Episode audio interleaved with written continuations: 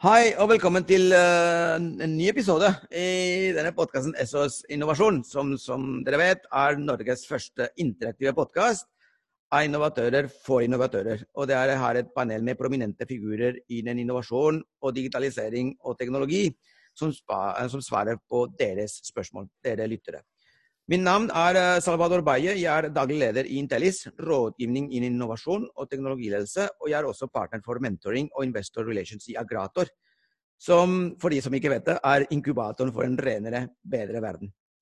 Um, denne gangen, og som sist, har vi uh, i panelet Christian Horn Hansen, investment manager i Shipset Growth.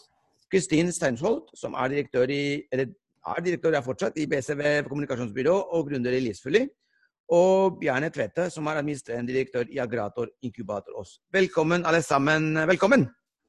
Takk.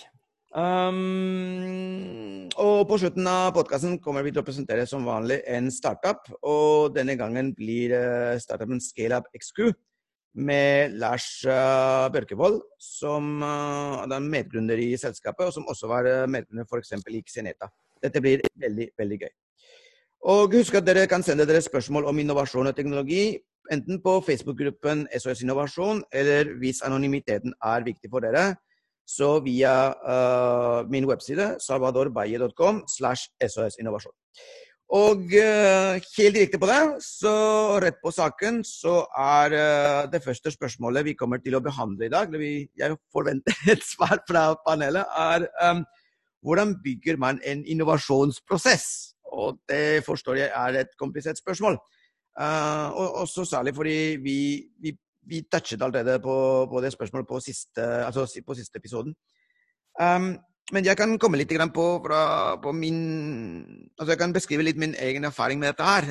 Um, jeg, som de fleste vet, uh, har jeg en uh, fortid i Telenor, i Telenor New Business. Og der um, jobbet vi veldig uh, conscious veldig bevisst med en, uh, en, veldig strukturert prosess.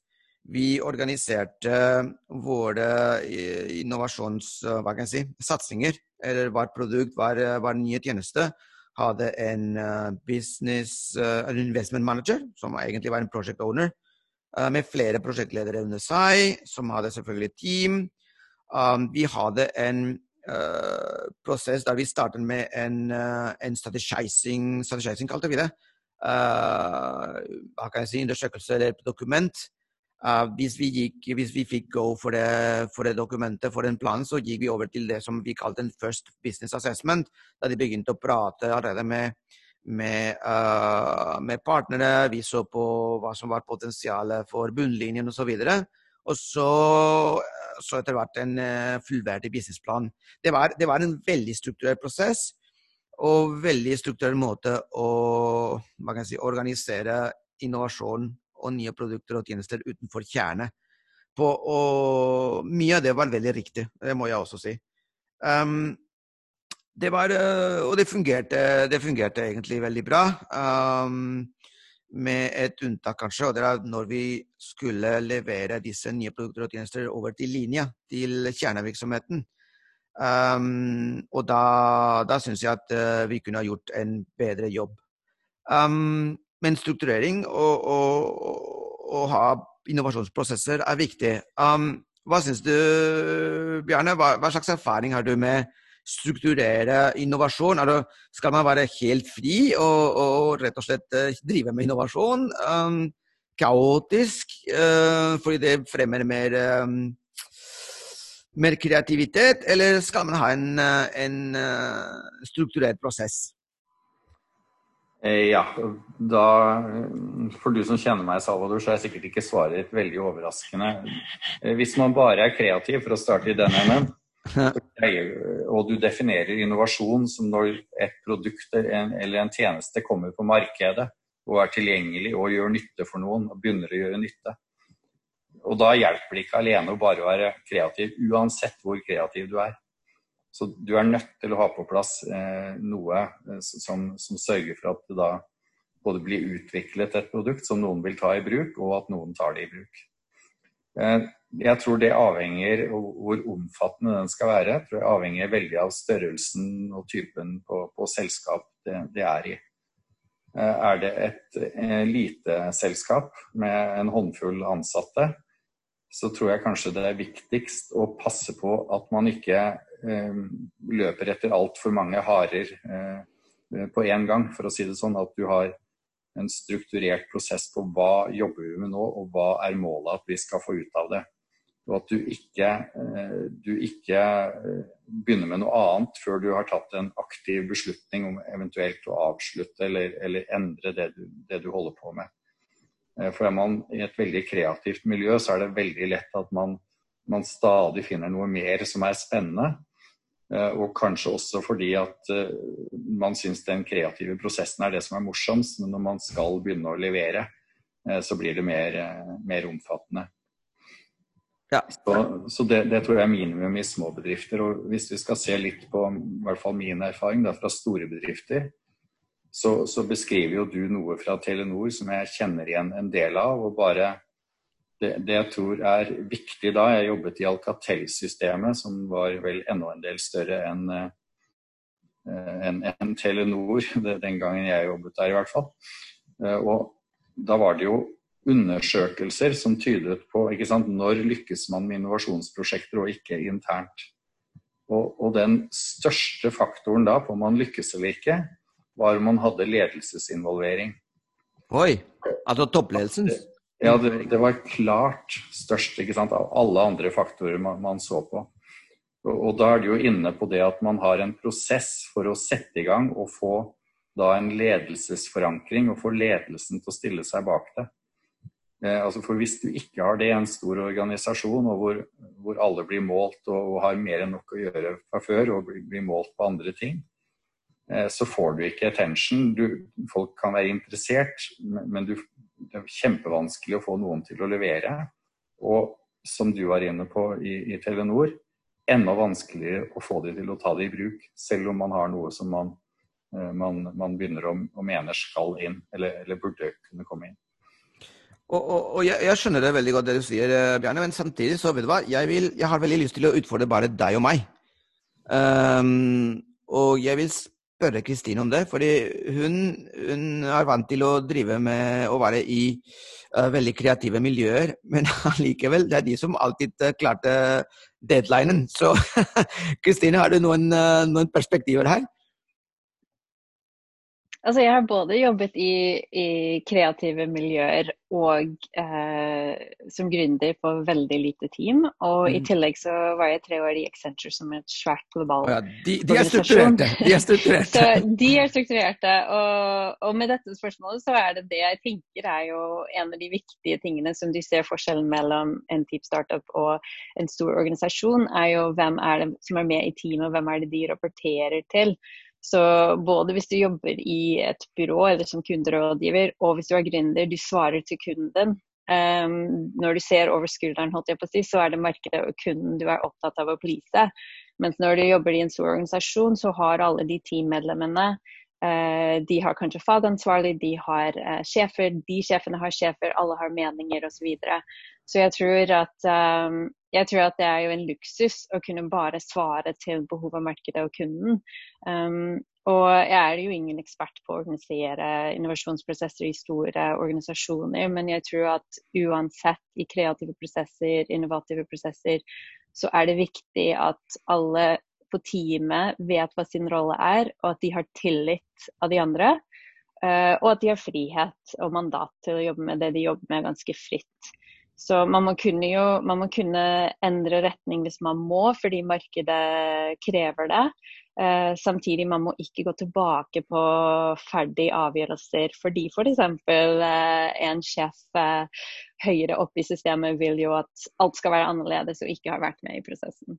Ja, eh, okay. Så det er ikke enkelt. Men, eh, men, jeg tror at den tilliten og den friheten og mandaten, eierskap til den prosessen altså Det prosjektet må være litt skjermet, tror jeg. Um, så må, de må, det, er interessant, fordi Bjarne sier at det er veldig viktig med topp, uh, toppinvolvering, samtidig som du sier noe som jeg også har noen ganger har opplevd, er at uh, plutselig så dukker noen fra organisasjonen og begynner, begynner å, å, rett og slett stille altfor mange spørsmål som all, allerede har blitt besvart av andre. Og som Tine, jo, men det er det jeg kjenner veldig godt. ikke sant? Ja, og det kan jo, være men det er det jeg mener. ikke sant? Altså Toppledelsen må gi mandatet, de må ja. ha tydelige mål, og de må gi ansvar over til, og, og tillit til ansatte. Nettopp. At de har ansatt de riktige, flinke folkene som kommer til å levere og komme med en fantastisk løsning, eh, fremfor å micromanage fordi man er redd for å gjøre feil. Eller man er redd for at sin sjef vil tro at de gjør feil. Så jeg tror det er, eh, det er jo stor tillit som kreves, både i små team og store. Ja, den, så jeg, jeg, jeg, hører support fra toppledelsen, men frihet for, uh, for teamet. Uh, ja. er, det, er, det, der vi, vi er, Kristin? Det er ditt take? Ja, det tror jeg. Det tror jeg må til. Kristian, mm. du, du, har en veldig, veldig interessant jobb. Fordi um, samtidig som du er en del av en, en Jeg tror at hva kan jeg si, en av de mest suksessfulle selskapene, et av de mest suksessfulle selskapene i Norge. Um, samtidig så jobber du med mange, mange startups, um, og du er midt i mellom to verdener som er veldig forskjellige fra hverandre. Hvordan, hvordan, hvordan, takler dere dette med å ha en prosess for innovasjon? Uh, fordi jeg tipper at Schibsted har sine prosesser. Um, disse startups som du på en måte er, er kontaktperson og ansvarlig for, uh, har uh, kanskje ikke så, så, gode prosesser eller andre. Hvordan, hvordan takler du akkurat den, den broen, da? Nei, altså eh, eh, Vi har jo vært litt eh, innpå det, både eh, både Kristine og Bjarne. Men, men, men, jeg tror liksom det, som er, det, som er, ekstremt viktig i eh, alle sånne typer prosesser, det er jo kommunikasjon. Eh, og det er jo kommunikasjon oppover, som vi har vært eh, litt sånn inn, eh, inn på. Eh, men, men, også liksom, kommunikasjon i teamet. Altså, eh, Bjarne var litt inne på dette om å sette klare mål. Helt, helt, innledningsvis i et, et mm. type innovasjonsprosess så er det ekstremt viktig å sette klare mål. Hva er det vi faktisk vil og skal oppnå? Eh, og, og, så er det viktig å kommunisere de målene bredt, slik at alle er innforstått med, at, eh, med, med rammene for prosjektet og hva man faktisk ønsker å, å oppnå. Og så gjelder det jo selvfølgelig å, å tilpasse seg markedet, slik eh, Kristine snakket om. Men, men, man må holde fokus på det målet. Fordi det er det du har kommunisert, og det er det alle har forventning eh, til at du skal eh, oppnå. Og så er det hele tiden den avveiningen om liksom, hvor lang tid skal man få lov å bruke. Eh, ikke sant? Fordi på den ene siden så er det liksom ja, man skal kunne utvikle det man har, satt seg fore. Eh, og man må gi prosjekter tid. Eh, men så, det, men så, har du ikke nødvendigvis all verdens tid. Eh, fordi det er alltid noen som alltid noen som vil vente seg resultater. Mm. Og Der kommer jo kommunikasjon igjen inn. ikke sant? Hvis du kommer raskt ut i markedet med noe, et, et, produkt eller en kampanje eller hva det er, så har du på en måte hele tiden noe å kommunisere rundt. Eh, som igjen kanskje gir forankring for, for, for prosjektet. Eh, men, men, og det syns jeg jo på mange måter er ikke så forskjellig fra en startup til en, en corporate. Vi mennesker opererer jo ganske likt. Eh, eh, vi, har, vi, har, forventninger eh, til, til, et prosjekt. Vi, eh, vi, ønsker at det ikke tar altfor lang tid. Men, men, jeg tror jo Der tror jeg jo den, den balansegangen der mellom å gi prosjekter tid og 'Kill Your Darlings' tidlig. Den, det er jo på en måte den som, de som har svar på det, vil jo på en måte Ja. Vil jo vil være rik, Verdens vil en rik. Verdens best betalte konsulent. ja, typ, ikke sant? Ja, da vet jeg hvilken, hvilken karriere, eller hvilken pad jeg skal ta fra meg fra nå, for min egen virksomhet. ja. ja. Men, men Christian, jeg, vet hva, jeg, jeg, jeg identifiserer veldig med det du sier. Men samtidig så har jeg et, en følelse av at uh, det er utrolig enkelt å, å uh, være på defensiven når uh, folk begynner å uh, forlange å forlange resultater fra innovasjonsprosesser. Um, det er i mine erfaringer veldig typisk at når man begynner å forlange tidsfrister og budsjetter og osv. At man, man, får veldig ofte en, et svar som er ja, men det kan vi ikke vite ennå du skjønner at dette er en, en helt nytt marked. Det kan vi ikke det, Dessverre har vi ikke. Og jeg, og jeg syns at det er, eh, det er altfor defensivt. Jeg syns at uh, du bør gjøre en litt bedre jobb. I hvert fall uh, hvis ikke helt i begynnelsen av, av, av prosjekter av produktet eller tjenesten, tjeneste. At uh, du, du, må kunne og da er vi tilbake til hva vi snakket om i siste episode om data. Du må ha en eller annen form for grunnlag for at noen skal ta en beslutning. Altså, du leker med hvis vi snakker om store organisasjoner, f.eks., eller ja, eh, etablerte, etablerte, organisasjoner, så snakker vi om aksjonærenes penger. Så hva, hva, hva, er din take rundt det der? Hva, hva er din erfaring, Kristian? Eh, Nei, men eh, det, dette er nok en erfaring som veldig mange har. Og det kan jo gå både på Eh, innovasjonsprosesser, på investering i startups, som også kan ses på som store og liksom innovasjonsprosesser som tar tid. Eh, og det er jo at eh, ja, eh, ikke sant? Du, skal, du, du, gjør dette på vegne av aksjonærene i et selskap. Eh, eh, CEO svarer til aksjonærene. og og da er det hele, hele tiden den balansegangen eh, som vi var litt eh, innom. Ting tar tid. Samtidig så er det noen som har en forventning til at eh, innovasjonsprosesser eh, i, i, sin helhet, da, da snakker jeg om mye, skal kaste av seg. Um, og det er jo det er veldig utfordrende i tøffe tider. Ikke sant? Du ser at uh, Eh, dessverre så er det slik at liksom R&D, innovasjonsprosesser, investering i eh, litt sånn ukjent terreng, det eh, blir skadelidende når, eh, når, det blir tøffere tider på kanskje kjernevirksomheten. da. Ja, vet du hva, Kristian? Eh, I min erfaring, det er nesten, det er nesten snakk om et kvartal. Ja. Noen ganger. Noen mm. ganger. Og der, og der, tror jeg jo at der, der, der, vil jo på en måte historikk være kjempeviktig. Nettopp.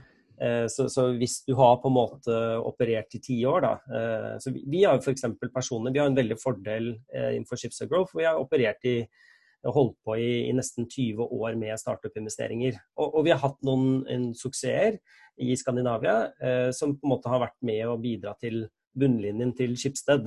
Og det betyr at, eh, at, at man på en måte, ved at man har den historikken, så forsvarer det litt at man man, ja. man, får holde på, også i tøffere tider hvor det ikke nødvendigvis eh, kaster like godt av seg.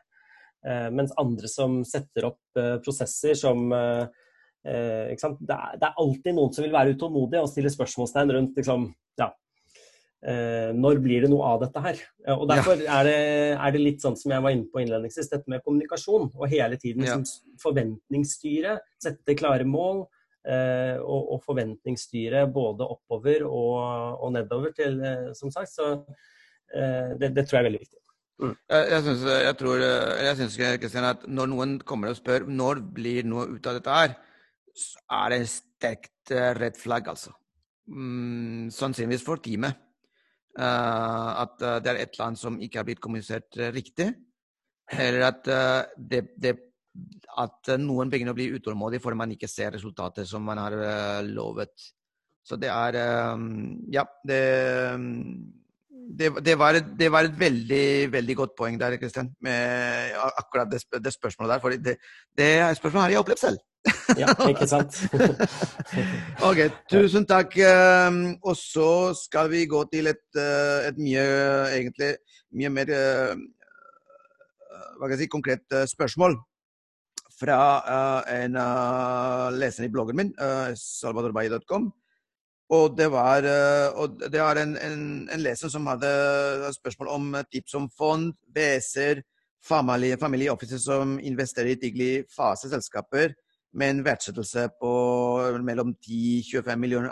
Altså ikke helt i, De trenger ikke en halv million eller 700 000, de trenger allerede nå en, del, en god del millioner.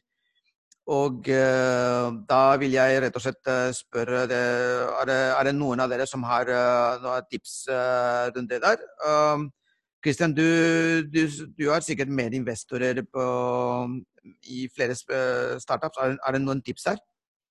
Ja, altså, det spacet der er jo ofte, kan ofte være litt utfordrende. Fordi du, du er det er ofte litt for lite for et uh, VC-selskap. Uh, og så er, det litt for mye for liksom, typisk business angels, da, eller tidligfaseinvestorer.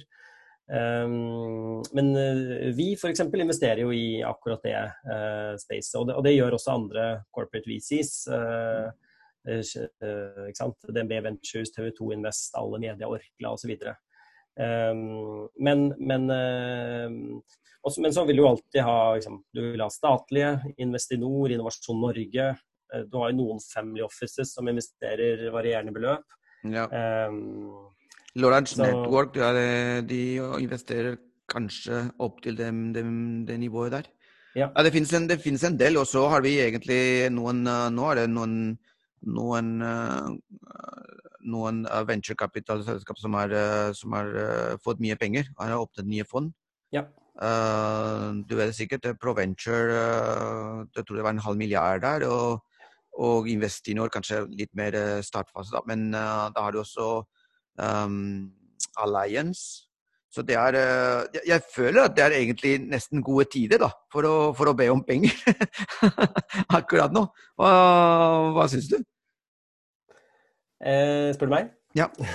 Ja, Kristian. um, ja, det er eh, jeg, jeg, tror eh, tilbakemeldingen fra markedet er vel at det er veldig mange som Det har nok vært ut, det har definitivt vært en utfordrende tid nå under korona å hente penger.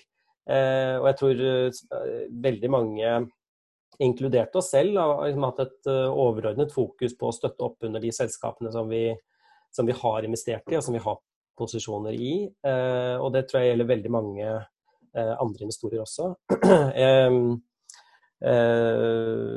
Samtidig så har vi nå en følelse av at det begynner å lette litt for en del.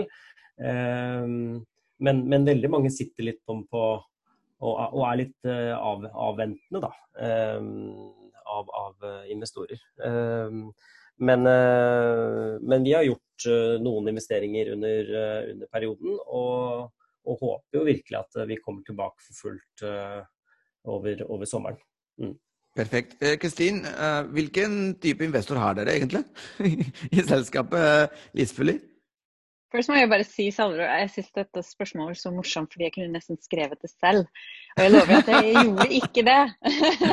Eh, okay. Vi er jo akkurat i den fasen, uh, akkurat i denne fasen selv. Uh, så jeg syns det er veldig morsomt, morsomt, morsomt spørsmål. Vi har, vi har jo stort sett bootstrappet hittil. Um, vi har fått noen midler fra Innovasjon Norge. Um, og så senest forrige uke fikk vi godkjenning på, på et tilskudd, så det er veldig Hei, gratulerer! altså, og all ære til de. Altså, det var rask behandling osv. Det var jo kjempefint. Jeg tror de forstår situasjonen som mange startups befinner seg i nå. Um, vi har noen flere engelinvestorer, uh, som mindre sånn typ um, friends, family som eh, investerer i veldig tidlig faste selskaper. Typ uh, folk som er keen på å lære mer om investering og, og som har kjent fra før. Uh, og uh, vi har nå inngått i veldig spennende partnerskap egentlig med et retail tech-miljø som både de har en investeringsarm, men de også bidrar med, med kompetanse og hands on hjelp. Så det, det er utrolig spennende. Men, men, det å finne, som Christian sa, den mellominvestoren mellom når du er for tidlig for en WC eh, og kanskje trenger mer midler eh, enn du finner i ditt eget nettverk, det, det er jo krevende. Det finnes ingen god database eh, hvor man kan bare slå opp og, og finne disse folka. Og særlig tror jeg som altså, Det er veldig mange i Norge som jobber i startup-miljø som ikke er norske, sånn som meg og, og deg, Salvador. Ja. Uh, og da har man ikke det personlige nettverket som mange nordmenn har. Og, det tar tid. det tar i hvert fall tid. Ja, det tar tid. Og, og i Norge så handler alt om hvem du kjenner, og nettverket. Eh, så jeg oppfordrer egentlig dere som lytter å ta kontakt med enten meg eller Salvador, så kan vi ta kontakt videre med, med vedkommende som stilte spørsmålene. Jeg har veldig tro på Startup Karma og Pay it forward. Og hvis du Altså det er nok for alle, og det, det gagner alle jo mer vi eh, åpner nettverket våre. Uh, få møte folk, få tips om andre startups vi kjenner. Uh, få matche investorer med gode startups, sånn at uh, flere har mulighet til å, til å, vokse, og at vi skaper et bedre miljø. Veldig bra, Kristin. Mm. Veldig bra. Vel, super oppmuntrende. Ta kontakt. Ta kontakt, nettopp. Uh, Bjarne, har du noen, noen tips her? Ja, altså Én ting er jo, som, som, dere har vært inne på nå, flere veldig gode poenger, og inkludert det jeg satt og tenkte på her på slutten. altså Nettverk, det, det er alfa og omega. Og, og, desto eldre man blir, desto viktigere er det. ikke sant? Så Å ha det nettverket. Eh, så, så utnytt det. Men, men, jeg tenker altså Én ting er, eh, som man har pratet om her, ikke sant. Eh, hvilke og hvilke konkrete investorer kan være interessert. Men jeg tenker det, det viktigste i og for seg da, som kan benyttes av alle, er i og for seg prosessen. Og da er jo basert på min erfaring da, og, og, og, i og for seg en del gode gründere som jeg har vært i kontakt med, så er det jo det å starte tidlig og ta kontakt med noen som man da enten har hørt noe bra om, eller noen eller noen enten man kjenner selv best, eller, eller, noen man kjenner kjenner og har erfaring med, eller, eller, har hørt noe bra om. Og så spørre, ikke sant, fortelle om casen. Ærlig hvor man står, helst med data. ikke sant, Man har tall på hvor, hvor bra eller dårlig noe er.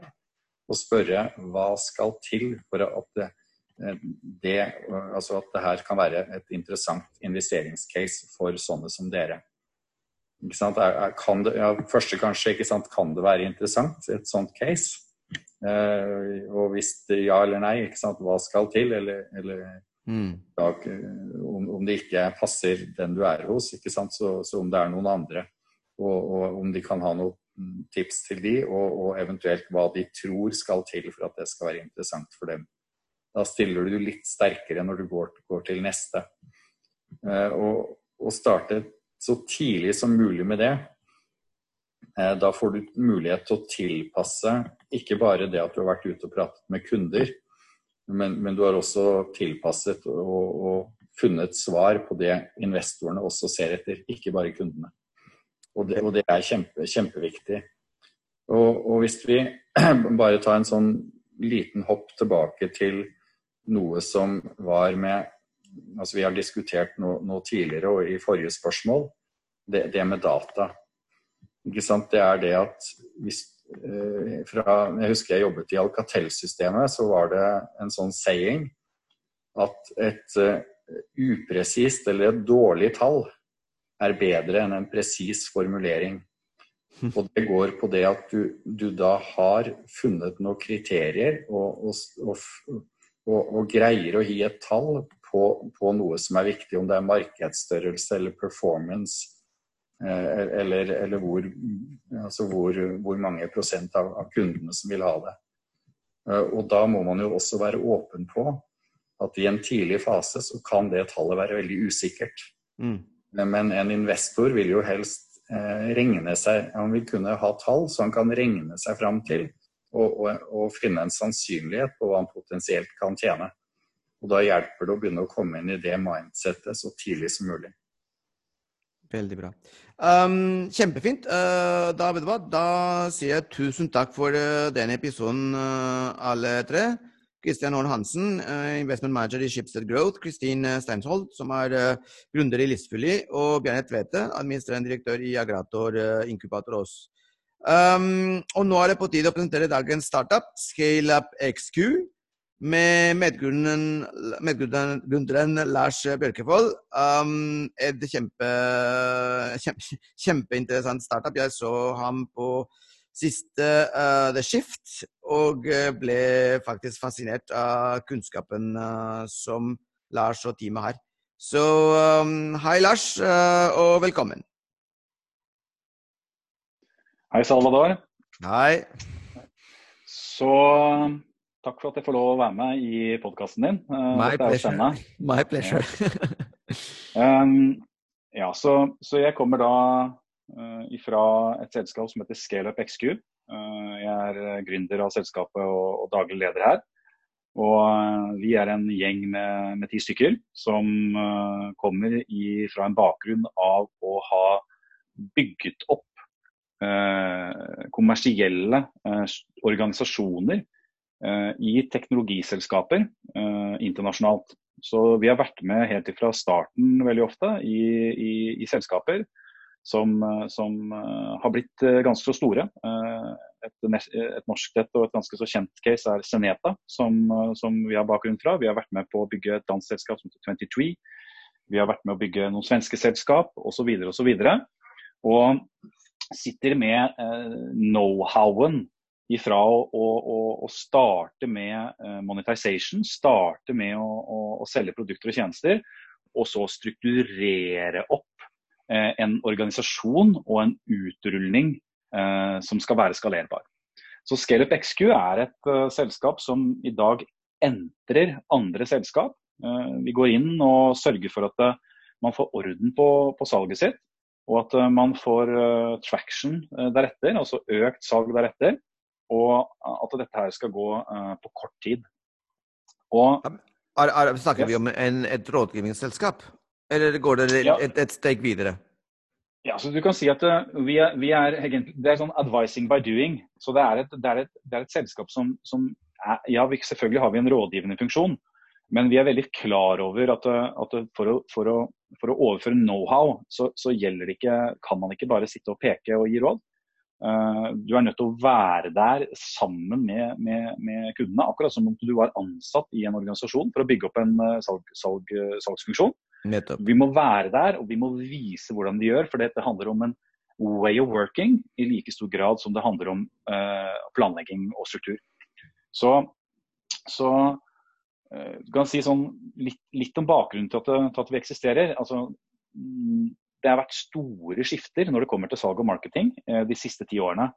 Eh, med inntog, på, inntog av software som, som, som, som, en business. Altså, i, i, starten så var dette noe som det har vokst gradvis frem, men de siste ti årene har jo vært eksplosivt når det kommer til at software eh, er selve businessen. Um, og det vil si at du har framtvunget andre måter å, å, å, selge på, og andre måter å drive marketing på.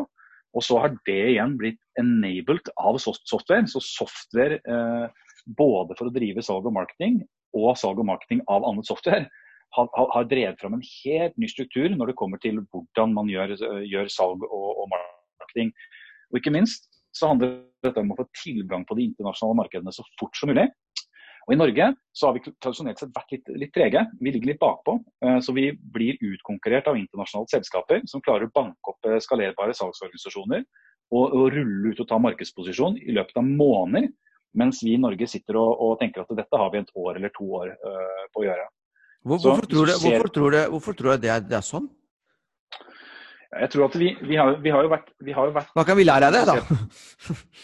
Nei, vi, Når det kommer til innovasjonsbiten i dette, uh, så, så, vet vi jo det at Norge har ligget bak uh, når det kommer til, til, til, å, til å, skape og lansere innovative selskaper. Vi, har liksom ligget en liten bølge bak våre nordiske naboer, og vi har ligget en liten lang bølge bak USA f.eks.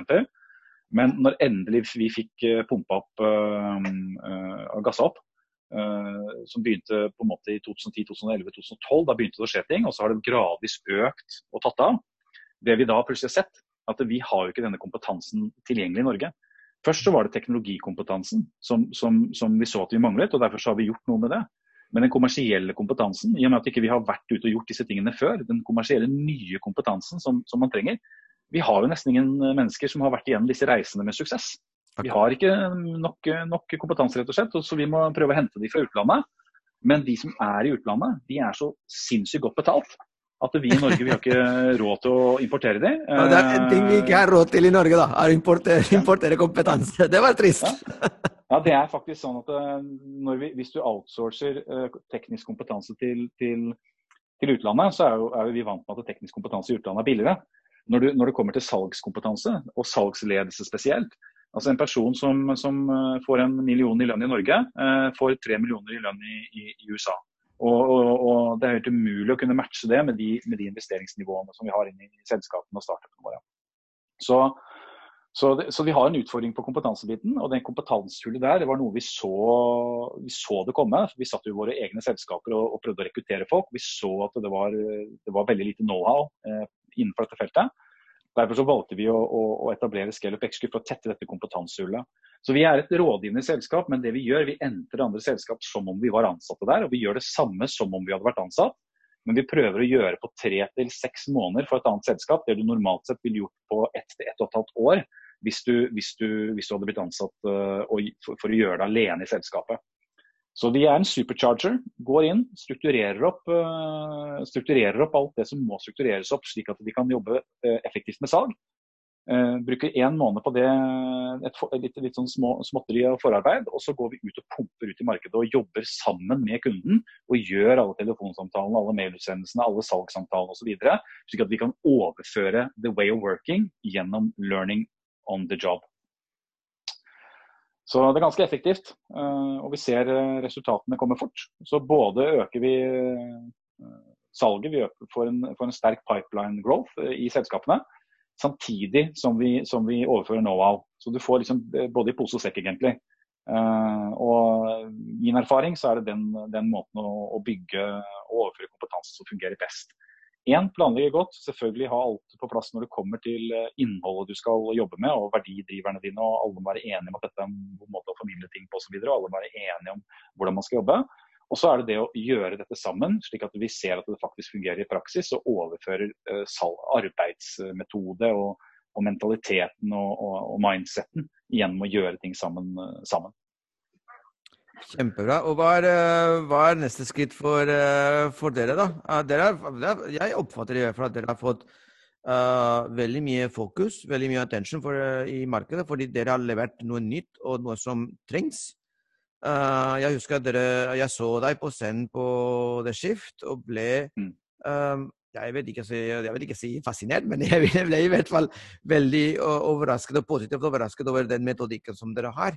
Hva er, eh, hva er, veien fremover for, uh, for Scalep XQ? Er, eh, er, det noe mer du vil, er det noe du vil antyde for, deres, for, deres, kunder, for deres medarbeidere, medarbeidere kanskje partnere? er det noe, noe, du vil si avslutningsvis? Ja, så det, veien videre er eh, Vi fortsetter jo å vokse inn i det spacet som vi er. Altså vi, vi hjelper, uh, hjelper, jo uh, selskaper som er klare for å skalere opp kommersiell aktivitet. så Det er gjerne de som har kommet litt videre fra startup-gruppa. De, de, er ikke helt i begynnelsen. så de, Vi kommer til å fortsette å øke omfanget av arbeid med de. Samtidig så har vi skjønt at denne læringen som vi henter ut av det, uh, den, er, den, er, jo mer og mer aktuell også for større virksomheter. Uh, spesielt på corporate-siden så er de totalt utdatert når det kommer til uh, altså Visse, visse corporate-deler er totalt utdatert når det kommer til kommersiell approach. Så vi, vi, har, vi, har, gradvis begynt å jobbe oss også inn i det spacet, og det kommer til å være, være fokus fremover. Å gå inn og jobbe med kommersiell transformasjon. For det er noe som ofte glemmes i de store virksomhetene. Man tar innovasjonsløpet, man tar digitaliseringsløpet, og så glemmer man det kommersielle transformasjonsløpet. Og det er en bit uh, som vi ønsker å komme og bidra med. Kjempebra. Du, vet du hva, Lars, nå, nå vil jeg si tusen takk for, uh, for, at du var hos oss. Og tusen takk for at du presenterte uh, Skilab XQ, som jeg personlig syns er ekstremt uh, fascinerende. Altså at dere prøver å innovere Det er nesten tjenesteinnovasjon, men sånn, at dere, dere, prøver å innovere på, på, salg og markedsføring. Noe som jeg, jeg er helt overbevist eh, over at de trenger sårt i, i dette landet. Så tusen takk, uh, Lars. Og uh, see you around, for dette er et uh, lite land. Vi snakkes. Litt space. Vi snakkes. Okay. Ha det.